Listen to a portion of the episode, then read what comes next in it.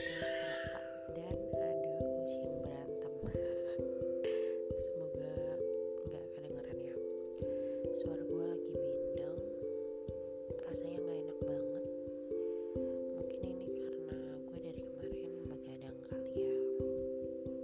Buat temen-temen di rumah eh, jangan lupa jaga kesehatannya. Jangan lupa istirahat